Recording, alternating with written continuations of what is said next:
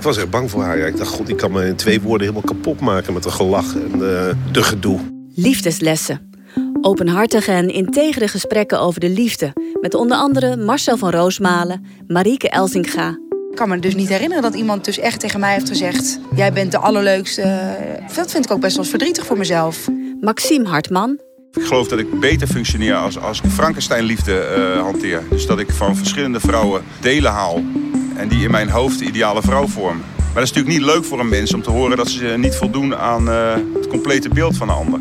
Ellie Lust. Dat je niet één keer uit de kast komt, maar je komt natuurlijk wel duizend keer in je leven uit de kast. En Rob Jette. Hij is iemand die mij continu uh, heel veel tegenwind geeft. En uh, dat heb ik echt nodig. Je vindt de podcast Liefdeslessen in je favoriete podcast-app of op nporadio1.nl schuine streep podcast.